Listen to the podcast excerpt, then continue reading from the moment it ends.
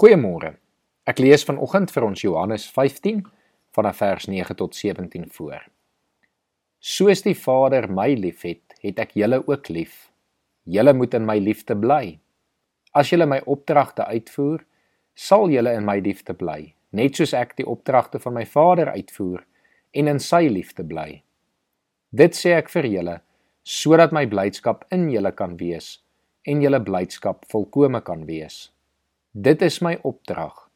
Julle moet mekaar lief hê soos ek julle liefhet. Niemand het groter liefde as dit nie, dat hy sy lewe vir sy vriende aflê.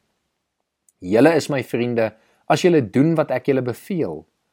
Ek noem julle nie meer ondergeskiktes nie, want 'n ondergeskikte weet nie wat sy baas doen nie. Nee, ek noem julle vriende, omdat ek alles wat ek van my Vader gehoor het, aan julle bekend gemaak het. Julle het my nie uitgekies nie, maar ek het julle uitgekies en julle aangestel om uit te gaan en vrugte te dra, vrugte wat sal hou. So sal die Vader aan julle gee wat julle ook al in my naam vra. Dit beveel ek julle.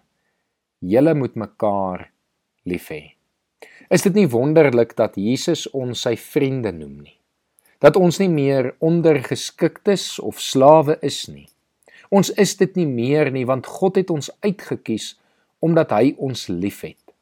En nou, wat moet ons met daardie liefde doen? Ons moet dit gebruik om mekaar lief te hê. Indien ons in hierdie liefde van God bly en sy opdragte van liefde vir mekaar gehoorsaam, dan leef ons in die wil van God. Eenvoudig gestel kan ons hierdie paar verse opsom met drie liefdesaksies die Vader wat die Seun liefhet, die Seun wat met dieselfde liefde ons liefhet en dan ons wat mekaar moet lief hê. Dit is die wil van God. Dit is wat dit beteken om gehoorsaam binne God se wil te lewe. Ek sluit vanoggend af deur vir ons 'n gebed voor te lees. Here Jesus, Ek weet U het vir ons 'n duidelike modelgebed gegee in die Onse Vader. Maar ek sukkel daarmee. Want U het die moeilikste deel heel eerste geplaas. Die Vader se naam, sy koninkryk en sy wil. U weet hoe hartstogtelik ek kan bid as dit kom by daaglikse brood en die vergifnis van ons skulde. En ook laat ons nie in die versoeking kom nie. Maar my woorde is minder en minder heilig as ek moet bid vir die heiliging van u naam. En Here, hoe kan ek eerlik bid vir die koms van u koninkryk as my lewe werklik maar in so geringe mate regeer word deur u as koning?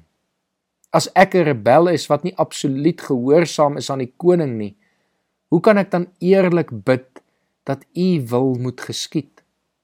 O Here, U weet hoe graag wil ek al die dinge hê wat 'n kind van die koning toekom. Maar ek vind dit so moeilik om te leef soos een. Ek vra dat U liefde my sondes moet vergewe en tog doen ek so min moeite om volgens die beginsels van hierdie liefde te lewe. En as ek versoek word, gee ek eerder in as om na U om hulp te roep. Kortom, Here, die kwaliteit van my lewe staan in die weg van die opregtheid van my gebede.